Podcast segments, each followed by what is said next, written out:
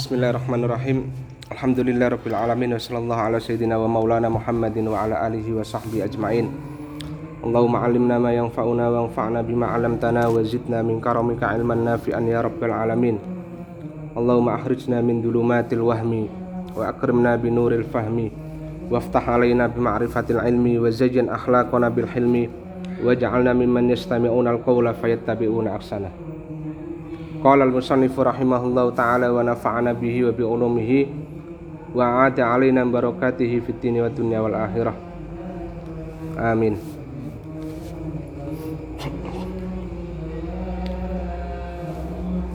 Muqaddimah. Bismillahirrahmanirrahim. Bismillah kelawan nyebut asmani Allah Ar-Rahmani kang ulas asih ing dalam akhirat bloko. Eh dunya lan akhirat. Ar-Rahimi terulas asih ing dalam akhirat bloko. Muqaddimatul kitab pendahuluan kitab. Nahmaduka Allahumma nahmadu. Muji sapa kita ka ing panjenengan. Allahumma duh Gusti Allah. An wafaktana an wafakta ing yen paring taufik panjenengan na ing kita. Sawa as-sabili ing luruse dalan. Fa anta mangko utahi panjenengan nikmal maula iku saapi-apike pangeran wa ni'man nasiri lan sak bagus-baguse penolong. Wa nusolli lan solawat sapa kita. Wa nusallimu paring salam sapa kita ala habibika ing atase kekasih panjenengan. Al a'dhami kang paling agung. Al mab'usi kang den utus rahmatan Khalid dadi rahmat lil alamina maring alam kabeh jadi setelah mengucapkan basmalah mu'alif Sa'abdul Qadir Isa memuji kepada Allah Subhanahu wa taala yang telah memberi taufik kepada jalan yang lurus. Kemudian bersolawat dan mengucapkan salam kepada Rasulullah Sallallahu Alaihi Wasallam. Rahmatan lil alamin sebagai rahmat bagi seluruh alam semesta. Wa mungkidan lan penyelamat lil insaniyati maring kemanusiaan. Jadi Rasulullah adalah rahmah lil alamin. Wa ma arsalnaka illa rahmatan lil alamin. Jadi Rasulullah tidak diutus kecuali sebagai rahmat bagi alam semesta. Jadi bukan hanya bagi umat Islam saja tapi alam semesta. Manusianya hewannya dan alam semesta seluruhnya. Dan penyelamat bagi kemanusiaan. Di mana sebelum Rasulullah datang kemanusiaan dalam kondisi yang carut marut ya terutama di Jazirah Arab di mana Rasulullah Shallallahu Alaihi Wasallam diutus pertama kali. Kedoliman kemanusiaan apa? Orang kedoliman merajalela kemudian wanita tidak dihargai. Bahkan wanita yang baru lahir apa? Dipendam karena dianggap sebagai aib pada waktu itu. Wahadian lan awe pituduh wong kang awe pituduh lil basariyati maring kemanusiaan. Sayyidina rupane bendoro kita Muhammadin kanjeng Nabi Muhammad sallallahu alaihi wasallam al qudwati kang dadi contoh atau dadi apa namanya? Contoh ya. Al musla kang ideal. Wal ustad wal uswati lan apa terjemahnya uswa itu? Hah? ya yang diikuti apa namanya? Eh, teladan teladan. Wal uswati lan teladan al hasanati kang apik. Wa ala alihi lan ing atase kawula wargane Rasulullah sallallahu alaihi wasallam. Wa ashabihi lan bira-bira sahabate kanjeng Nabi Muhammad sallallahu alaihi wasallam alladzina zakku kang padha nyucikake sapa alladzina atau sapa Rasulullah wa alihi wa ashabi? Anfusahum ing pira-pira jiwane Rasulullah ashabuhu wa al wa aluhu ashabu fa aflahu mongko padha bejo sapa kabeh mau. Wa nasahulan padha nasihati sapa alladzina ikhwanahum ing pira-pira kancane alladzina fanafa'u mongko awe manfaat sapa alladzina Allahumma akrimna bi karamatihim Allahumma do Gusti Allah akrimna. Mugi aweh kemuliaan panjenengan ing kita bi karamatihim kelawan kemuliaane Rasul wa alhu ashabu. Wa wafiq lan paring taufik panjenengan ing kita lihadihi maring pituduhe ar-rasul wa ashabuhu wa aluhu wa ashabuh. Wa al, wa alhikna wa alhiklan mugi nyusulake panjenengan ing kita bihim kelawan ar-rasul wa alhu ashabu wajma lan mugi ngumpulake panjenengan nak ing kita ma'hum semertane rasul wa alhu ashabu tahta liwa'i sayyidina. Ing dalam ngisore genderane bendoro kita atau tuan kita Muhammadin rupanya kanjeng Nabi Muhammad sallallahu alaihi wasallam. Fa innaka mangko panjenengan. Akramu mas'ulin iku mulia-muliane dat kang den jalui. Wa khairu ma'mulin lan paling api-apike zat kang den arep-arep. Amin ya rabbal alamin. Wa ba'dulan ing dalam sause basmalah hamdalah lan sholawat falakot mongko temen.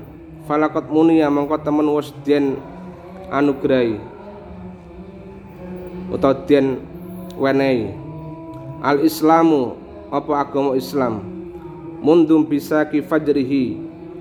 Sejak meledai fajari Islam. Bi khusumin aliddain kalawan pura-pura musuh aliddain kang banget oleh musuh ya. Musuh bebuyutan jadi sejak kemunculan kemunculan Islam yang dibawa oleh Rasulullah Sallallahu Alaihi Wasallam itu sudah ada musuh-musuh yang memusuhi Islam yang tidak ingin bahwa ajaran-ajaran Islam itu tersebar baik dalam dari kalangan kufar maupun orang-orang munafik. Sampai sekarang dinamakan sebagai khusum alidda musuh bebuyutan. Saking bebuyutannya walaupun kebenaran itu terang di hadapan mereka tapi mereka tetap menolak kebenaran tersebut. Jadi itu yang dinamakan sebagai husum alidda. Maka Rasulullah Wasallam ketika mensifati orang munafik salah satu sifatnya adalah idha khosama fajjara. Jika sudah memusuhi sangat sangat apa tinggi permusuh, permusuhannya idha khosama fajjara sampai tidak mau menerima kebenaran walaupun dia tahu bahwa itu benar. Hawalu. Podo usaha sapa khusum alidda. Tahdi ma'arkanihi ing ngrubuhake pira-pira cagake Islam wa taqwi wa taqwi do bunyanihi lan ngrubuhake sama ngrubuhake bangunane Islam. Kalau takwid itu rubuh di tempatnya itu. Qawwadu itu takwid. Rubuhake bangunane Islam. Bisa tal asali bi kelawan macem-maceme jalan macem-maceme cara.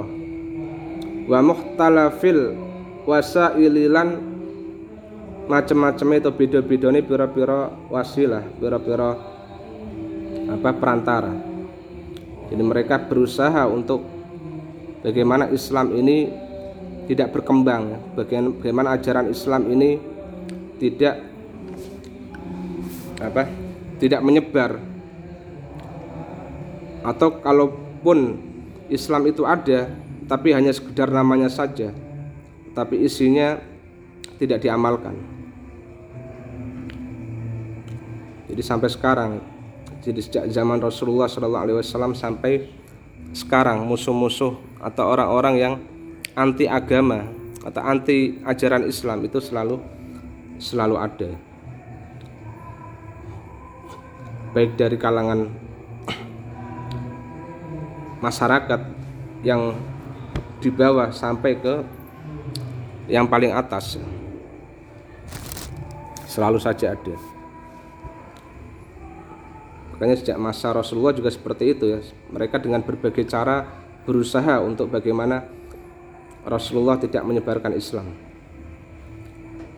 Ditawari harta ditawari jabatan ditawari perempuan berusaha dibunuh diganggu setiap jalannya. Sampai terakhir harus terusir dari tanah kelahir, kelahirannya yaitu Makkah Al Mukarramah sehingga harus hijrah ke, ke apa? Kota Madinah. Itu juga setelahnya. Sampai sekarang. Wa nahnu lan utawi kita al yauma ing dalam dina iki nuani. Apa? Mengalami sapa kita? Maujatin ing pira-pira gelombang. Maujatin ing pira-pira gelombang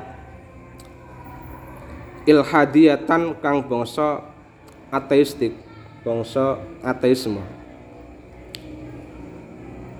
Dan sekarang ini zamannya Syaikhul Qadir Isa yang juga masih kurun satu kurun dengan kita mengatakan bahwa kita sekarang sedang menghadapi gelombang ateisme itu ajaran yang tidak mengakui adanya Tuhan atau tidak mengakui keabsahan agama sehingga hidupnya merasa tidak perlu untuk diatur oleh aturan-aturan agama.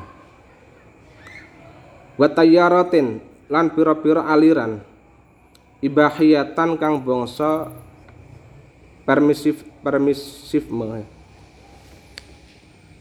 Aliran permisif yang apa? Tidak terikat dengan aturan ya. Jadi bebas semuanya boleh dilakukan. Mereka menganggap bahwa aturan-aturan itu hanyalah buatan manusia, termasuk mereka tidak percaya aturan-aturan yang berdasarkan wahyu. Jadi semua aturan itu hanyalah nilai-nilai aturan itu semuanya hanyalah konstruksi sosial saja, bukan sesuatu yang sakral. Tidak ada namanya aturan yang sakral, termasuk aturan yang landasannya adalah wahyu yang dibawa oleh Rasul, para Rasul sampai kepada Rasul terakhir Rasulullah Shallallahu Alaihi Wasallam. Jadi mereka tidak percaya, tidak percaya Tuhan, tidak percaya ajaran agama. Taruddu kang balik ilaina maring kita minas sarki, oh, taridu itu. Ya. Taridu kang teko ilaina maring kita minas sarki saking arah etan wal bilan arah kulon tudallilu kang nyesatake apa maujat ilhadiyah wa tayyarat ibahiyah sababana ing pira-pira pemuda kita. Wa tufsidu lan rusak apa maujat ilhadiyah wa tayyarat ibahiyah ajjalana ing pira-pira generasi kita. Ajal jamak dari jail. Artinya generasi. Wa tuhaddidu lan ngancam apa maujat ilhadiyah wa tayyarat ibahiyah mustaqbalana ing masa depan kita al fikri al fikri ya kang bangsa pemikiran. Al aqaidiyah kang bangsa akidah. Bimasirin kelawan dalan aswadin kang ireng qatimin tur peteng. Jadi aliran-aliran tadi ya aliran ateisme, kemudian aliran permisifme yang tidak percaya adanya wahyu, tidak percaya adanya aturan-aturan agama. Ini banyak mempengaruhi para pemuda dan generasi-generasi muda. Sehingga mereka merasa tidak perlu adanya aturan-aturan yang mengikat mereka. Maka muncul pergaulan bebas, kemudian banyak ya karena dasarnya seperti itu. Dan itu sebenarnya banyak ya kalau kita di kota-kota. Kalau di desa kan nggak kelihatan. Kalau kita di kota itu macam-macam ada. Watung diru. Lan ngancam. Umat tanah ing umat kita bitadah wurin kelawan kemerosotan khatirin kang berbahaya. Wasarrin lan bahaya mustatirin kang apa? Mumbul. Wala yasau lan ora muati na ing kita fi hadal jawi ing dalam ikilah situasi. Alma alma iji kang bergelombang tadi bisiroi kelawan pertentangan al fikri kang bangsa pemikiran. Illa anak tasima kejaba ing cekelan sapa kita. Bihablillahi kelawan taline Gusti Allah almatini kang kenceng. Wa nunabbidulan ngilangake sapa kita al khilafati ing pira-pira perbedaan. Al far'iyata kang bangsa furu' al ijtihadiyata kang bangsa ijtihadi. Wa nurabbitulan naleni sapa kita al quluba ing pira-pira ati billahi kelawan Gusti Allah taala. Linastamidda supaya aweh supaya njupuk kekuatan sapa kita utawa njupuk pancaran sapa kita. Minhu saking Allah al quwata ing kekuatan wa tumakninata lan ketenangan wal izzata lan kemuliaan wal karamata lan kemuliaan. Jadi dalam situasi yang seperti itu situasi yang penuh dengan tantangan aliran-aliran yang apa mengancam pemikiran keagamaan tidak ada jalan bagi kita kecuali kembali kepada tali Allah maksudnya ajaran-ajaran Allah yang dibawa oleh Rasulullah Shallallahu Alaihi Wasallam dan kita mencoba untuk menyisihkan ya, persoalan-persoalan yang sifatnya khilafiyah jangan disibukkan hal-hal yang sifatnya khilafiyah sehingga melupakan kita dari hal-hal yang prinsipil ya persoalan akidah persoalan kerusakan akidah kerusakan akhlak itu kan hal-hal yang prinsipil yang disepakati oleh semua apa namanya semua orang-orang yang peduli terhadap agama ya. Adapun hal-hal yang sifatnya furu'iyah apa ijtihadiyah perbedaan-perbedaan fikih itu kan hal-hal yang sifatnya istihadi bukan yang sifatnya prinsipil asasi. Kalau akidah akhlak itu kan hal-hal yang disepakati kan. Bahwa pergaulan bebas itu sesuatu yang jelek itu hal-hal yang disepakati kerusakan akhlak kerusakan nilai-nilai agama sesuatu yang harus dihilangkan dihindari. Itu kan hal-hal yang disepakati oleh semua tokoh agama.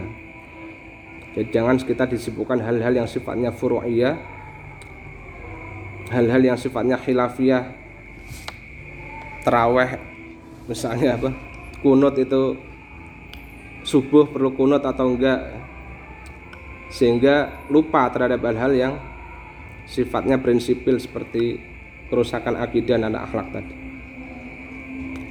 Wa idza kanat lan tatkalane ono mahammatu duatil islami apa misine bira-bira dai Islam al mukhlisina kang padha-padha ikhlas an yu'ida an yu'idu ing yen balikake sapa duatul Islam al mukhlisin li hadad dini maring ikilah agama ruhahu ing ruhe agama.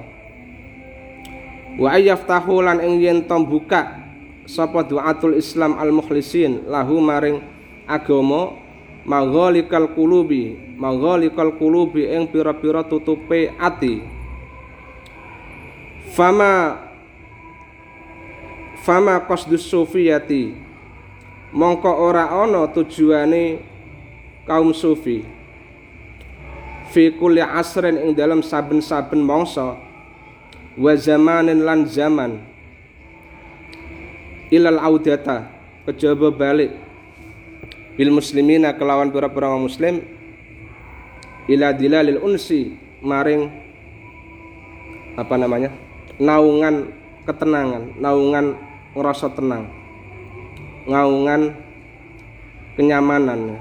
Billahi kelawan Allah taala wa naimi munajatihi lan kenikmatan bermunajat maring Allah Subhanahu wa taala. Wa sa'adati qurbihi lan kebahagiaan parak ing Allah. Bi irja'i ruhaniyatil islami kelawan balikake ruhaniyai Islam spiritualisme Islam. Ilaihi maring ad-din.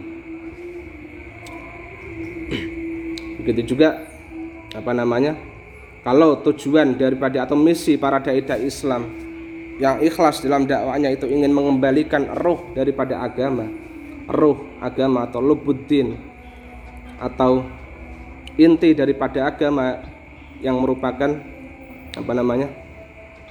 yang di antaranya adalah ajaran spiritualnya tadi, rohnya, sisi ihsannya, ihsannya, sisi batin agamanya tadi wa ayaftahu lahu maghalibal qulub dan ingin membuka hati-hati pemeluknya.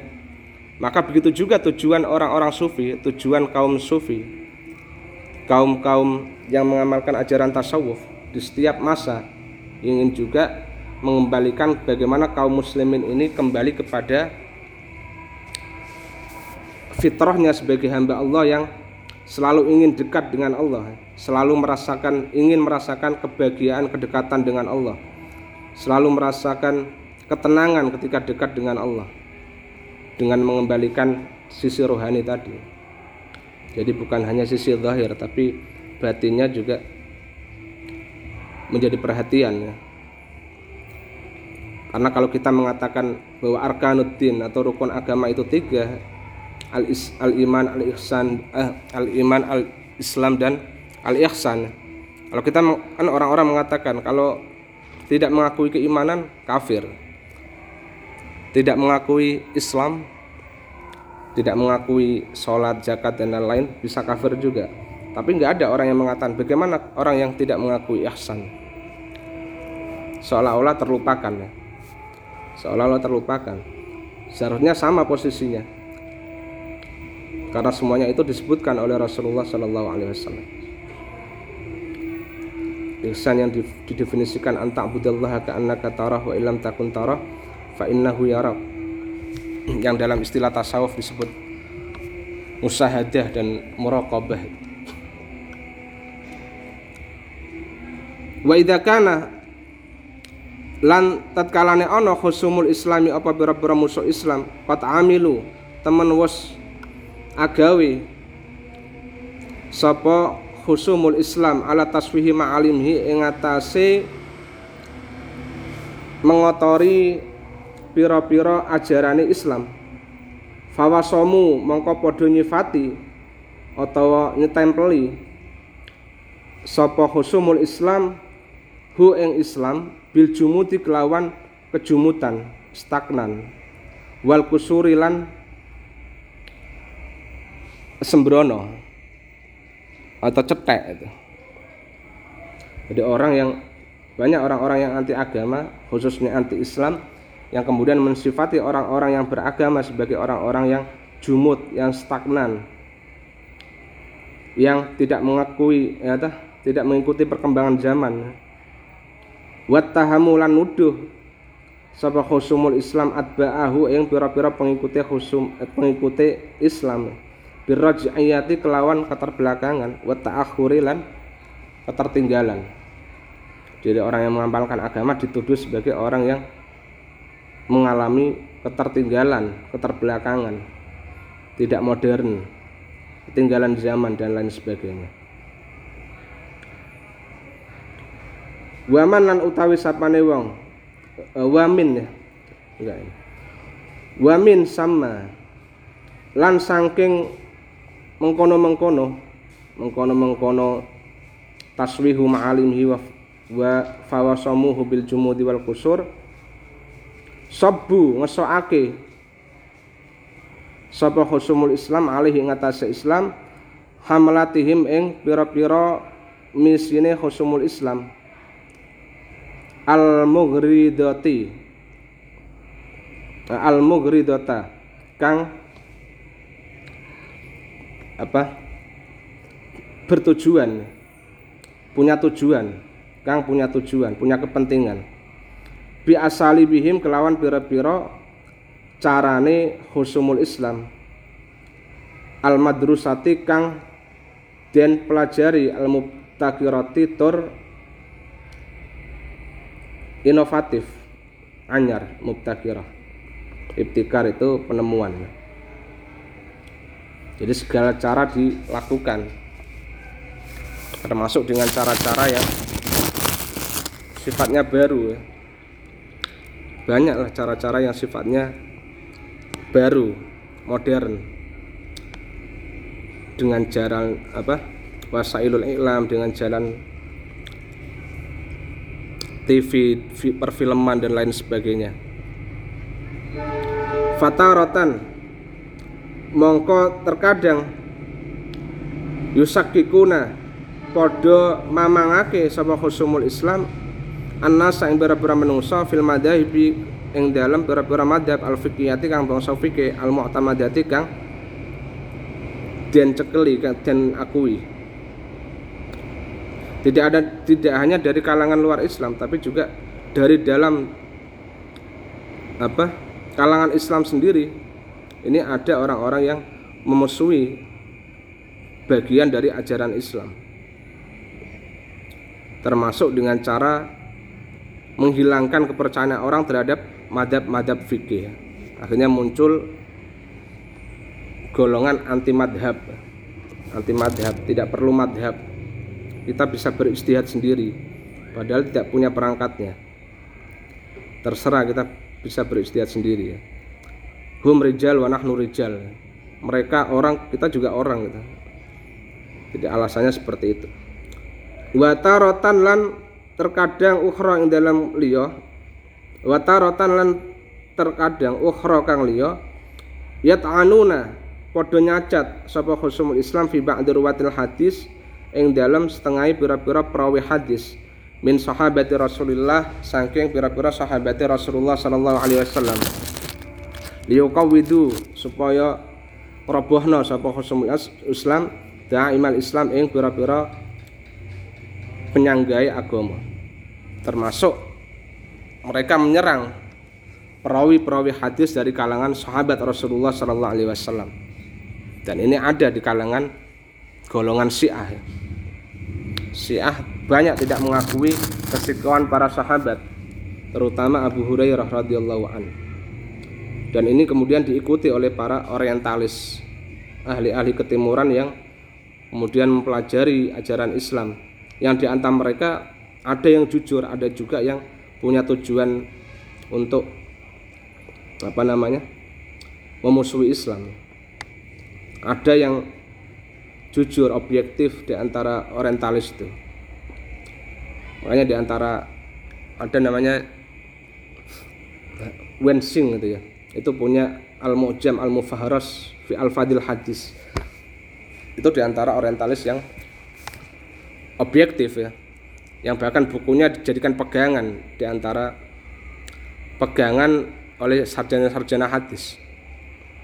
Tapi ada juga orientalis orientalis yang punya tujuan tertentu punya tujuan negatif. Untuk apa namanya? Mengkritik ya mengkritik ajaran-ajaran Islam. Di antaranya melalui para perawi-perawi hadis. Abu Hurairah diragukan. Dikatakan cuma tiga tahun atau empat tahun bersama Rasulullah tapi hadisnya kok paling banyak. Ini kemudian diragukan. Dan juga sahabat sahabat lain di kalangan Syiah. Mereka banyak tidak mengakui kesikoan para sahabat. Karena bagi mereka sahabat tidak semuanya udul termasuk Abu Bakar, Abu Bakar, Umar itu bahkan mereka laknat karena dianggap wasap kekhilafahan atau apa namanya hak kekhalifahan Sayyidina Ali bin Abi Thalib. Wahinan lan terkadang yusiruna nyebarake sapa khusumul Islam as-subhat yang pira-pira subhat, pira-pira subhat. Subhat itu apa namanya? Apa terjemahan? Apa? Subhat itu ya sesuatu yang apa namanya? Untuk menjelekkan. Haulal masail. Seputar pira-pira masalah al imaniyati kang bangsa keimanan. Liuf sidu supaya rusak sapa khusumul Islam aqaidal ummati ing pira-pira akidah umat jadi subhat-subhat juga dilancarkan oleh orang-orang yang ingin apa namanya menyingkirkan ajaran-ajaran Islam. Baik dari kalangan internal umat Islam sendiri seperti sebagian Syiah misalnya atau dari kalangan orientalis di luar Islam Ida kunna tatkalane ana sapa kita naro weruh sapa kita kulahada ing saben-saben iki fisatal usuri ing dalem beda-bedane pira-pira masa masa. Fa innal ladzi yusirul intiba fa innal ladzi mongko utawi kang yusiru apa namanya nyebarake al intibaha ing kesadaran. Wayal fitulan mengoake al amdara ing pira-pira pandangan. Atau iku nyacat al maksudu kang den sengaja. Wal hujumulan serangan al anifu kang banget kang kang banget. Alat tasawufi ngatasi tasawuf al-islami kang bangsa Islam. Dan di antara di antara apa namanya bentuk dari melemahkan ajaran Islam itu adalah kalangan-kalangan yang berusaha menyerang tasawuf Islam. Jadi ada baik dari golongan internal Islam sendiri maupun di luar Islam ini ada orang-orang yang berusaha untuk menjelek-jelekan tasawuf. Dikatakan kalau dari internal Islam misalnya dikatakan tasawuf itu bid'ah misalnya atau tasawuf ini di luar ajaran Islam tasawuf itu ajaran sesat misalnya. Padahal tasawuf sudah ada ya sejak abad, apa, abad kedua. Bahkan Al Mas'ud di dalam Murujud Dhab menyebutkan bahwa sudah ada penyebutan tasawuf sejak abad kedua Hijriah. Berarti itu sudah sejak zaman masa salaf masa salaf.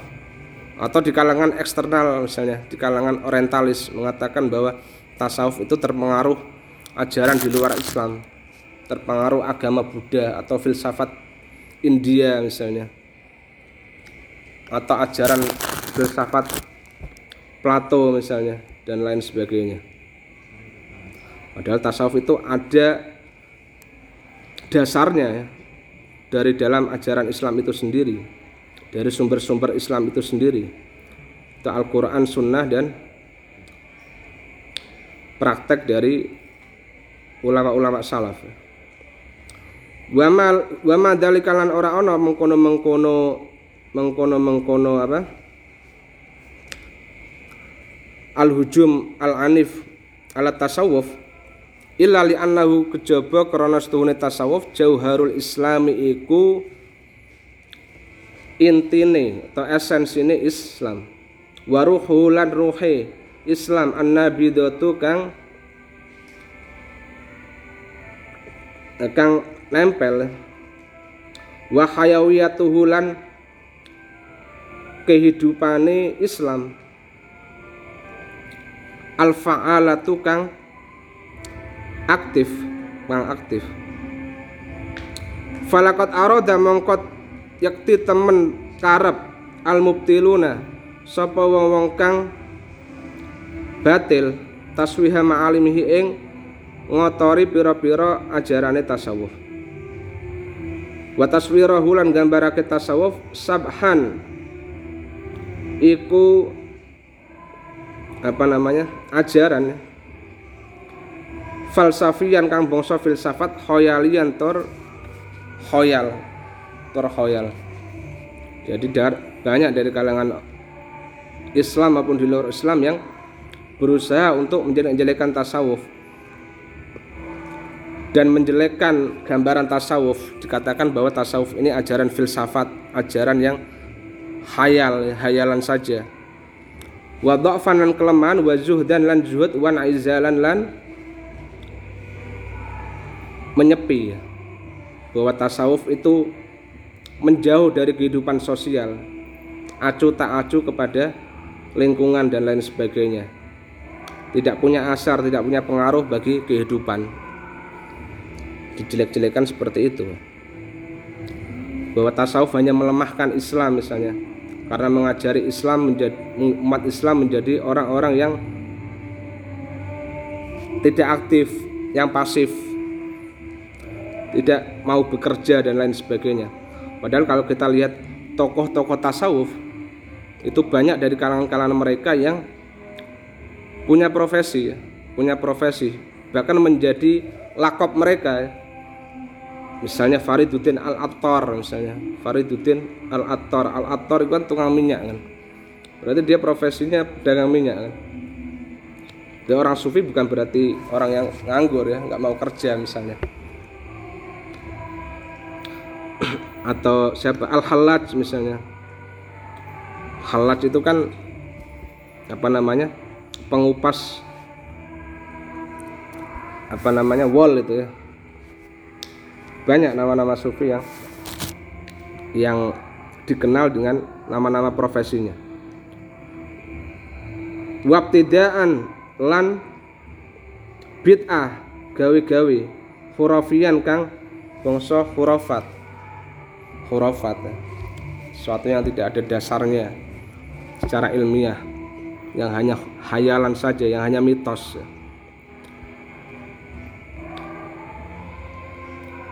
waharoban lan melayu min waqi'il hayati sangking sangking kenyataan hidup realitas hidup. Wanidholiha lan nulayani atau ngelawan kehidupan. Jadi berusaha menjelek-jelekan tasawuf bahwa tasawuf itu berarti lari dari kenyataan hidup. Tidak mau bekerja misalnya tidak mau bersosialisasi menjauh dari masyarakat tidak punya peran terhadap kehidupan.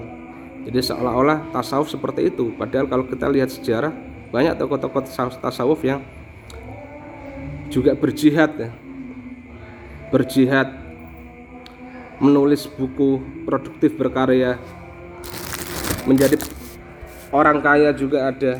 Abdul Hasan Asadili itu terkenal sebagai orang yang kaya raya. Kan dikatakan bajunya saja nggak pernah dipakai dua kali. Jadi sekali pakai langsung berikan orang. Beli apa pakai baju baru lagi sekali pakai bajunya sekali pakai. Nah, saking kayanya. Tapi beliau sufi muassis tarikah syadiliyah. Dan banyak yang lain. Abu bin Mubarak itu juga pengusaha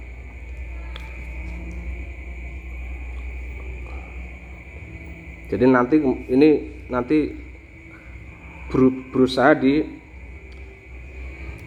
dihapus ya kesan-kesan yang seperti itu. Seolah tasawuf ini apa namanya menjauh dari sosial tidak berperan bagi kehidupan. Lebih suka menyepi misalnya menyepi di gunung misalnya tidak ingin ber, berperan dalam masyarakat dan lain sebagainya. Walakin Allah angin tetapi Allah taala mahlur sapa Allah qad adina temen wis ngidini sapa Allah taala lidinihi maring agamane Allah taala bil hifdi kelawan jaga wal baqai tetap di Allah tapi Allah sudah apa namanya sudah berjanji ya bahwa agamanya ini akan tetap terjaga sampai hari kiamat nanti.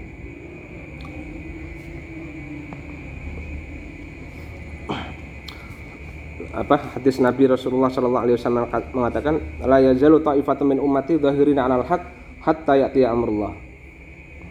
Jadi selalu segolongan dari umatku menyuarakan kebenaran sampai datangnya kiamat nanti. Jadi selalu ada orang-orang yang menyuarakan kebenaran, menjelaskan ajaran yang hak, agama yang benar.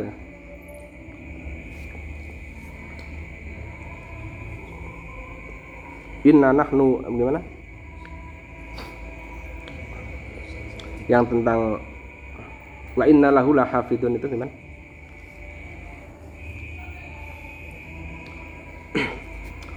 tentang janji Allah bahwa apa Al-Quran akan terjaga itu Al-Quran terjaga bukan hanya dalam bentuk bahwa Al-Quran itu akan terjaga otentitasnya sampai sekarang tetapi juga ajaran-ajaran Al-Quran itu akan terjaga sampai hari kiamat nanti. Fatahat tomat mongko jadi rusak. Aklamuhum atau jadi hancur ya tahat tamat jadi hancur. Aklamuhum apa pira-pira penane khusum tadi? Khusumul Islam. Wadahabat lan ilang. Arrehu apa? Angin kenceng. Bidakwahum kelawan. Dakwane khusumul Islam. Atau pengakuan-pengakuannya khusumul Islam wa baqiya lan tetep at-tasawuf apa tasawuf manaratan iku menara utawa apa cagak tondo menara. Manarat manarat tus salikina iku menarai pira-pira salikin pira-pira wong kang lumaku. Ilallah maring Allah taala maha nur sapa Allah. Wa manhajan lan sistem dalan ijabian kang positif linasril islami maring menyebarkan Islam wa tad'imi bunyanihi lan mendukung bangunan Islam. Tapi tasawuf masih tetap bertahan sampai sampai sekarang walaupun banyak orang-orang yang anti terhadap tasawuf. Berusaha untuk menjelek-jelekan tasawuf mensifatinya dengan hal-hal yang bukan merupakan sifat tasawuf. Seperti tadi. Lihada alladhi dzakartu lihada karena iki alladhi dzakartu kang wis nutur sapa ingsun uqaddimu me persembahkan utawa ngadepake sapa ingsun kitabi ing kitab ingsun iki anit tasawufi maring tasawuf. Difaan krana bela anhu saking tasawuf.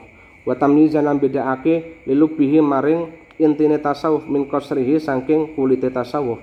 Wali haqaiqi lan bera-bera hakikate tasawuf mimma ulika saking barang ulika kang den gantungake kang den tempelake bihi kelawan tasawuf. Wa idharon lan menampakkan il haqqi maring kebenaran. Wa damghon lan menyanggah utawa ya menyanggah lil batili maring kebatilan. Mustanidan hale berpegang ila kitabillahi maring kitab Allah taala. Wa sunnati rasulihi lan sunai Rasulullah sallallahu alaihi wasallam wa aqwalil a'immati lan pira-pira mendapati pira-pira imam al arbaati kang papat yaitu Abu Hanifah, Imam Imam Malik, Imam Syafi'i dan Imam Hambali. Radhiyallahu anhu radhiyallahu anhum radhiyallahu mukum ridhani Allah sapa Allah anhum saking al a'immah al arba'ah. Wa atba'ihim lan pira-pira pengikuti al al arba'ah min a'lamil fuqaha saking pira-pira tokoe ahli fikih. Tokoe fuqaha. Wal usuliyyin lan pira-pira ahli usul. Wal muhaddisin lan pira-pira ahli hadis. Wa aimatus sufiyah lan pira-pira pimpinan kaum sufi. Tokoh-tokoh kaum sufi. Wa rijalil fikri lan tokoh-tokoh pemikiran. Alladzina khadamu kang hikmah. Sapa alladzina al islama ing islam hikmatin kalan pira-pira hikmah hasanatan kang apik. Jadi ini tujuannya. Kemudian Pak Mualif Syabdul Qadir Isam setelah apa namanya menjelaskan tadi bahwa banyak yang memuji tasawuf, mensifati tasawuf dengan sesuatu yang sebenarnya bukan sifat tasawuf yang asli dan dan tuduhan-tuduhan negatif lainnya.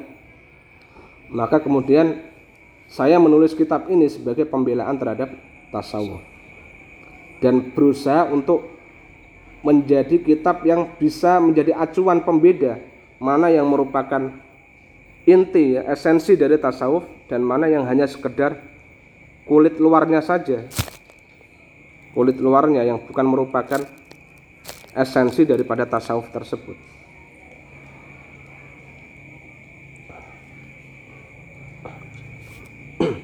Dan berpegang kepada kitab Allah tetap berdasarkan kepada kitab kitabullah yaitu Al-Qur'an dan sunnah Rasulullah SAW pendapat para imam arba'ah dan ulama-ulama ahli ahli fikih. Jadi semuanya nanti ada dasar-dasarnya baik dari Al-Qur'an, sunnah Rasulullah SAW, pendapat para aimatul madhahib al-arba'ah, imam-imam madhab yang empat, kemudian para fukoha dari kalangan empat madhab, ahli usul, muhaddis, termasuk tokoh-tokoh sufi. Bahwa semuanya itu saling menguatkan ya. Yang yang apa namanya? Menguatkan bahwa memang tasawuf itu adalah bagian daripada ajaran Islam. Bukan sesuatu yang asing dari agama Islam. Sebagaimana dituduhkan oleh orang-orang yang anti tasawuf yang mengatakan bahwa tasawuf ini impor dari agama lain misalnya. Terpengaruh dengan ajaran Buddha misalnya karena ada zuhudnya itu misalnya. Ada kesamaan bukan berarti apa namanya? Mencontoh ya. Karena apa namanya? Namanya spiritualitas manusia itu pasti ada sisi-sisi yang saling mengkaitkan ya tapi tidak selalu dipahami sebagai at-taksir wa ta'asur keterpengaruhan ya. misalnya kalau misalnya di Islam ada yang sama dengan ajaran Kristen ya bukan berarti Islam meniru Kristen tapi mungkin memang itu sumbernya sama sumbernya dari wahyu yang sama kalaupun ada perbedaan dalam masalah akidah itu berarti ada penyelewengan di kalangan apa agama Kristen misalnya. Atau agama Yahudi misalnya. Waffaqanallahu taala jami'an. Waffaqa mugi aweh taufik. Nak ing kita Allah sapa Gusti Allah taala mur sapa Allah jami'an halis kabehane li hikmatil islami maring ngelayani agama Islam atau hikmah agama Islam. Walimalan maring barang yuhibbu kang seneng sapa Allahu ing ma wa yardha ridha sapa Allahu ing ma. Wa nas'alu jaluk sapa kita hu ing Allah at-taufiq ing taufik was sadadalan apa namanya keteguhan. Faminhu mongko iku setengah itu saking Allah. Al mubtada'u apa permulaan. Wa ilaihi lan maring Allah al muntaha apa pungkasan wa ma taufiqilan ora ana taufik ingsun illa bilai kejaba kelawan pitulunge Gusti Allah taala maulur sapa Allah. Alaihi ing atase Allah tawakal tu tawakal sapa ingsun wa ilaihi lan maring Allah unibu balik sapa ingsun. Abdul Qadir Isa rahimahullah taala. Ini mukadimah ditulis oleh Syekh Abdul Qadir Isa penulis daripada Haqaiq Anit Tasawuf di Halab Halab fi arba wa isrin Ramadan. Sana alaf salah somnya wahid wa samanun hijriyatan. Al muwafiq sabata asar sabat. Sabat itu apa? Nggak tahu saya bahasa ini. Nggak pakai bahasa Januari Februari. Nggak sabat itu apa? Nanti dilihat. Alaf tesoknya wahid wa situn miladiyah kok apa? Nggak ada yang datang. Tadi ke mana asis? Ke ini. Kok nggak balik lagi? Ta'rifut tasawuf. Ta'rifut tasawuf definisi tasawuf. Sekarang masuk kepada pembahasan ya pembahasan tasawuf. Mulai dari definisi tasawuf Qala al-Qadhi Syekhul Islam Zakaria Al-Ansari rahimahullah taala. Qala usdawu al-Qadhi sapa Qadhi Syekhul Islam, Syekhul Islam Zakaria Al-Ansari rupane Syekh Zakaria Al-Ansari rahimah. Mungkin-mungkin rahmati hu ing Syekh Zakaria Al-Ansari. Allah sapa Allah taala maur sapa Allah. Syekhul Islam Zakaria Al-Ansari ini salah satu ulama dalam madhab Syafi'i ya. Salah satu ulama dalam madhab Syafi'i yang menulis tahrir tangkihul lubab. Fikih dalam fikih. Kemudian usul fik juga. Al minhaj ya. Eh bukan bukan al minhaj sarah al minhaj sarah al minhaj al minhaj baydawi. Sarahnya saya Zakaria al ansari beliau juga punya sarah risalah al kusairiyah risalah al kusairiyah dalam tasawuf Beliau mendefinisikan tasawuf. At-tasawuf utawi tasawuf ilmun iku ilmu. Tu'rafu kang den kenali bihi kelawan ilmu ahwalu tazkiyatin nusfus apa pira-pira tingkai nyuciake pira-pira jiwa. Pira-pira nafsu. Wa tasfiyatil wa tasfiyatul lan akhlak wa ta'mirud dhahiri lan ngramekake dhahir wal batini lan batin linaini sa'adati krana mekulih kebahagiaan al abadiyati kang bangsa keabadian. Jadi kemudian beliau mendefinisikan tasawuf sebagai ilmu tu'rafu bi ahwalu tazkiyatin nufus. Jadi tasawuf ini ilmu bukan pembicaraan yang tidak berdasar ya. Ilmu berarti ada kaidah-kaidahnya ada dhawabitnya ada kaidah-kaidahnya ada apa namanya aturan-aturannya, ada batasan-batasannya. Tu'rafu bi ahwalu tazkiyatin nufus. Yang dengan ilmu tadi dikenali hal-hal yang berkaitan dengan penyucian jiwa. Jadi tujuan tasawuf adalah tazkiyatun nufus atau menyucikan menyucikan jiwa karena jiwa ini banyak kotorannya, banyak penyakitnya kecuali yang dijaga oleh Allah taala seperti jiwa-jiwa para nabi itu disucikan maksum dari penyakit.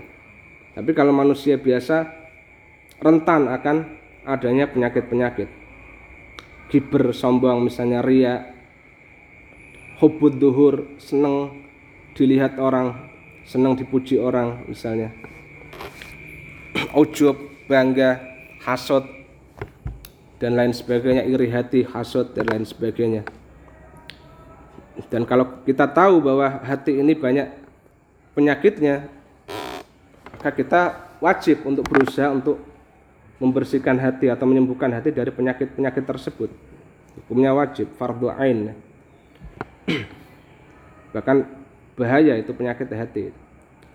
Misalnya kiber saja Rasulullah mengatakan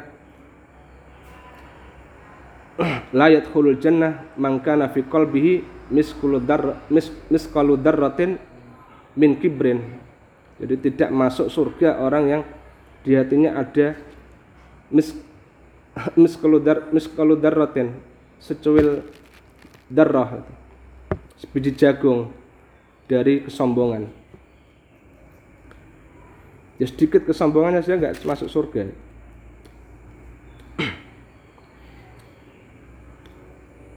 maka yang selamat nanti adalah mang, apa?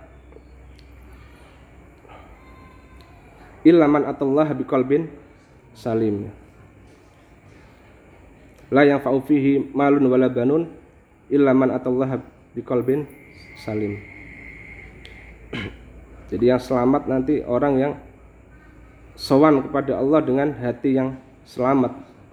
Hati yang selamat dari segala penyakit-penyakit hati tadi wa tasfiyatul akhlak dan menyucikan akhlak. Wa ta'mirud dhahir wal batin jadi menyucikan mensucikan akhlak. Ya. dari akhlak yang jelek menuju akhlak yang yang bagus yang akhlak yang mahmud ya. Dari akhlak yang madmumah menuju akhlak yang mahmud ya. Dan meramaikan dohir dan batin. Jadi jika dohir ini ranahnya fikih ya meramaikan dohir berarti dengan ibadah-ibadah dohir malah mati. Dan meramaikan apa namanya batin dengan ibadah-ibadah yang sifatnya batin. Mahabbah misalnya. Muraqabah musahad musahadah zuhud. Zuhud itu pekerjaan batin bukan pekerjaan zahir ya. Jadi tidak harus zuhud itu miskin. Tidak harus zuhud itu miskin bisa jadi orang kaya tapi dia zuhud ya. Misalnya kayaannya tapi dia hatinya enggak gumantung. Enggak apa namanya menempel terhadap dunia. Dunia taruh di tangannya tapi tidak ditaruh di dalam hatinya. Kalau apa namanya Hasan Al Basri itu mendefinisikan zuhud sebagai ada ta'alluq bidunya jadi tidak tergantung tidak ada terkaitnya hati dengan dunia. Bisa jadi punya dunia dunia ada di tangannya tapi tidak menempel di hatinya. Yang sekiranya kapan-kapan waktu misalnya dunia diambil dari dia dia biasa saja gitu. Tidak merasakan apa namanya protes atau kecewa misalnya. Kecewa. Makanya katanya Imam Asy'arawi Imam Asy'arawi tandanya bisa kita gunakan ini untuk mengukur diri kita. Kita ini termasuk ahli dunia atau ahli akhirat? Ahli dunia atau ahli akhirah? Kalau ketika dunia ini apa namanya hilang dari kita apa lebih kita sukai ya ketika kita memberikan orang itu lebih kita sukai daripada ketika kita diberi orang itu berarti kita termasuk ahlul akhirah tapi kalau kita diberi orang lebih senang daripada ketika memberi orang berarti kita ahli dunia ya. padahal orang kebanyakan seperti itu kan. Padahal sodako ini kan yang awet ini kan. Yang yang apa namanya? Yang abadi itu kan yang sodako ini pahalanya yang abadi. Bukan yang kita dapat kan. Yang ada nilainya di akhirat nanti kan. Ya berarti kalau kita lebih senang dapat sesuatu daripada memberikan sesuatu berarti kita ahli dunia ya. ya kebanyakan kita seperti itu kan. Linailis saat al abadiyah untuk memperoleh kebahagiaan abadi yaitu kebahagiaan di akhirat nanti. Jadi takmirul zahir bil ibadah wal batin dan juga takmirul batin wa yaqulu lan ngendika sapa Syekh Ahmad Jarruk. Sapa Syekh Ahmad Jarruk rahimahullahu taala. Syekh Ahmad Jarruk dari Maroko Maghrib. Ini yang punya syarah hikam punya itu tasawuf juga. Dan punya kitab-kitab akidah juga. At-tasawuf utawi tasawuf ilmun iku ilmu kusida kang den maksud li islahil kurub li islahil kulubi krana memperbaiki pira-pira ati wa ifradiha lan nyuciake ati lillahi maring Allah taala maha luhur sapa Allah amma sanging barang siwahu kang liyane Allah jadi tasawuf ada ilmu yang bertujuan untuk memperbaiki hati dari penyakit-penyakit hati tadi maka perlu didiagnosa ya jadi setiap hari kita harus apa namanya? introspeksi ya. Introspeksi. Kita ada penyakit hati apa misalnya. Kalau sudah ketemu penyakitnya, kita berusaha untuk menyembuhkannya. Misalnya kita punya rasa iri, hasut sama orang. Ya kita berusaha untuk menyembuhkannya. Ketika kita hasut sama orang, kita lawan malah kita doakan orang yang kita hasuti itu itu cara kita melawan rasa hasut misalnya melihat orang kaya kita hasut kita lawan hasut itu dengan cara mendoakan orang itu yang kita hasuti. Mendoakan supaya diberi rezeki yang lebih banyak lagi misalnya. Rezekinya yang bermanfaat barokah. Walaupun kita awalnya hasut sama dia misalnya. itu cara melawan sifat hasut ya. Salah satunya. Dan penyakit-penyakit yang lain sombong misalnya. Sombong juga perlu dilawan misalnya apa kita merasa lebih mulia daripada yang lain misalnya sampai orang-orang dulu untuk me, para ulama sufi ya di kalangan para ulama untuk melawan sifat sombong itu mereka mau mengerjakan sesuatu yang hina selama hal tersebut tidak tidak haram ya. Misalnya apa? Ngers, apa membersihkan WC misalnya WC atau mungut sampah misalnya mungut sampah dan lain sebagainya. Tujuannya itu untuk apa namanya melawan sifat kiber tadi. Wa wa ifraduha lillahi taala amma siwa. Dan me, apa namanya ifrad itu menyuci apa hatinya hanya diisi dengan Allah saja bukan dengan selain Allah. Jadi segala lakunya semuanya lillah. Hatinya semuanya hanya Allah hanya untuk Allah hidupnya. Inna salati wa nusuki wa mahyaya itu kan sudah janji kita lillahi rabbil alamin itu kan ikrar kita kan ya? Ikrar kita tapi nggak tahu prakteknya. Wal fikku lan utawi fikih li islahil amali iku apa? Gawe memperbaiki amal. Jadi kalau fikih untuk memperbaiki amal memperbaiki hal-hal yang sifatnya berkaitan dengan keabsahan ibadah zahir wa hifdzin nidhamilan jogo aturan fikih itu juga berkaitan dengan nidam aturan-aturan bermasyarakat, aturan-aturan bernegara.